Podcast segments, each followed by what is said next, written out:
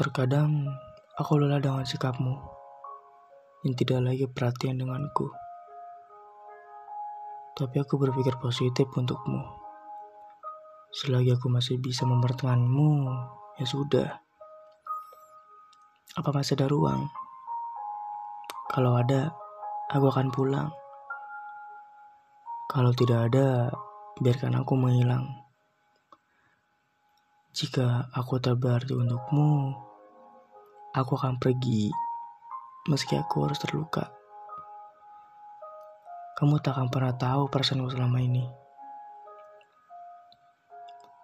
Karena kamu terlalu sibuk dengan duniamu sendiri.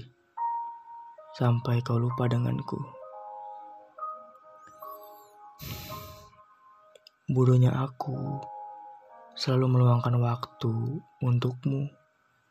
Sedangkan kamu tak pernah sama sekali meluangkan waktumu untukku. Kadang aku tidak mengerti mengapa selalu ada pertemuan jika akhirnya saling melupakan.